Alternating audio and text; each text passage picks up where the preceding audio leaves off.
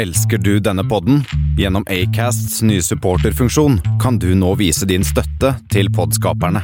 Det er helt opp til deg hvor mye du ønsker å bidra med. Klikk på lenken i podbeskrivelsen for å støtte podkasten.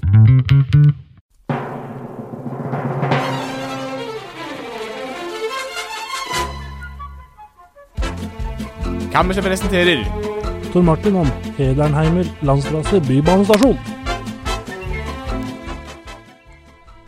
Yes, da sitter vi her igjen, da, og du lurer sikkert på hva er det Tor Martin skal presentere denne gangen?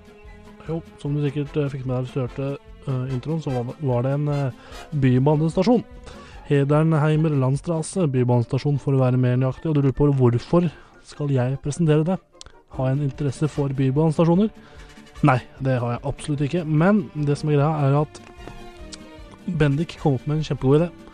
Det var nemlig at um, jeg, Ivar og Bendik skulle gå inn på Wikipedia. Og på Wikipedia har de en liten sak som heter 'Tilfeldige sider'. Vi skulle trykke, trykke på den tre ganger, og så skulle vi få lov til å få lov til å velge en av de tre randomme som kom opp, og skulle ha en episode med Kammerset presenterer om det. da. Det skulle vare i ti minutter.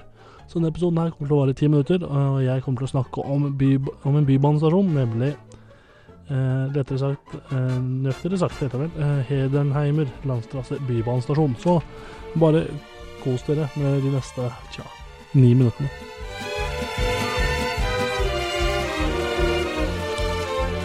Yes, og uh, vi kan jo egentlig bare starte rett på. Og Hedernheimer landstrasse bybanestasjon uh, er da en bybanestasjon som ligger i Tyskland, uh, tro det eller ei.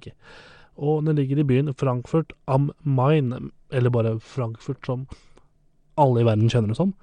Um, og da er, ja, som sagt, en bybaneholdeplass, da. Og det jeg tenker er viktig i en slik i en, slik setting da, er jo å kunne forskjellen på uh, hva en, faktisk en bybane er. For det kan jo kanskje mange som forveksler det med trikk, da, f.eks., eller uh, T-bane.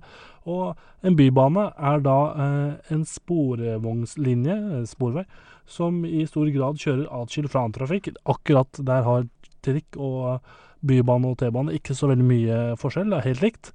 Men Bybanen uh, holder ofte en høyere hastighet enn trikk. Det er derfor de mange store byer og store land, sånn som Tyskland f.eks., uh, prioriterer uh, da en bybane i stedet for trikk.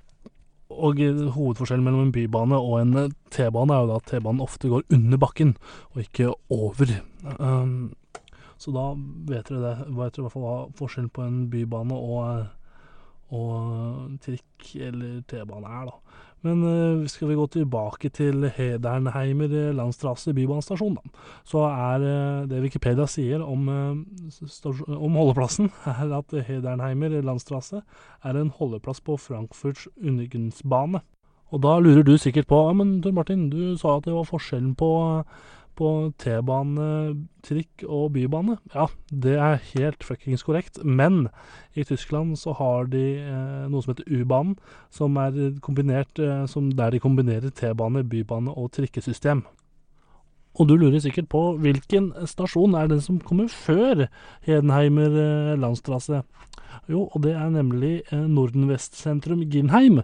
Og den, eh, hvis du skal ta hvis du står på Heidenheimers eh, landstrasse og skal videre, så er neste stasjon det er to muligheter. Og det er fordi på Hedenheimer landstrasse så er det da bygd opp til at du kan bytte, eh, bytte undergrunnsbane, holdt jeg på å si, over til eh, U9, eller hvis du er på U9, over til U1, da.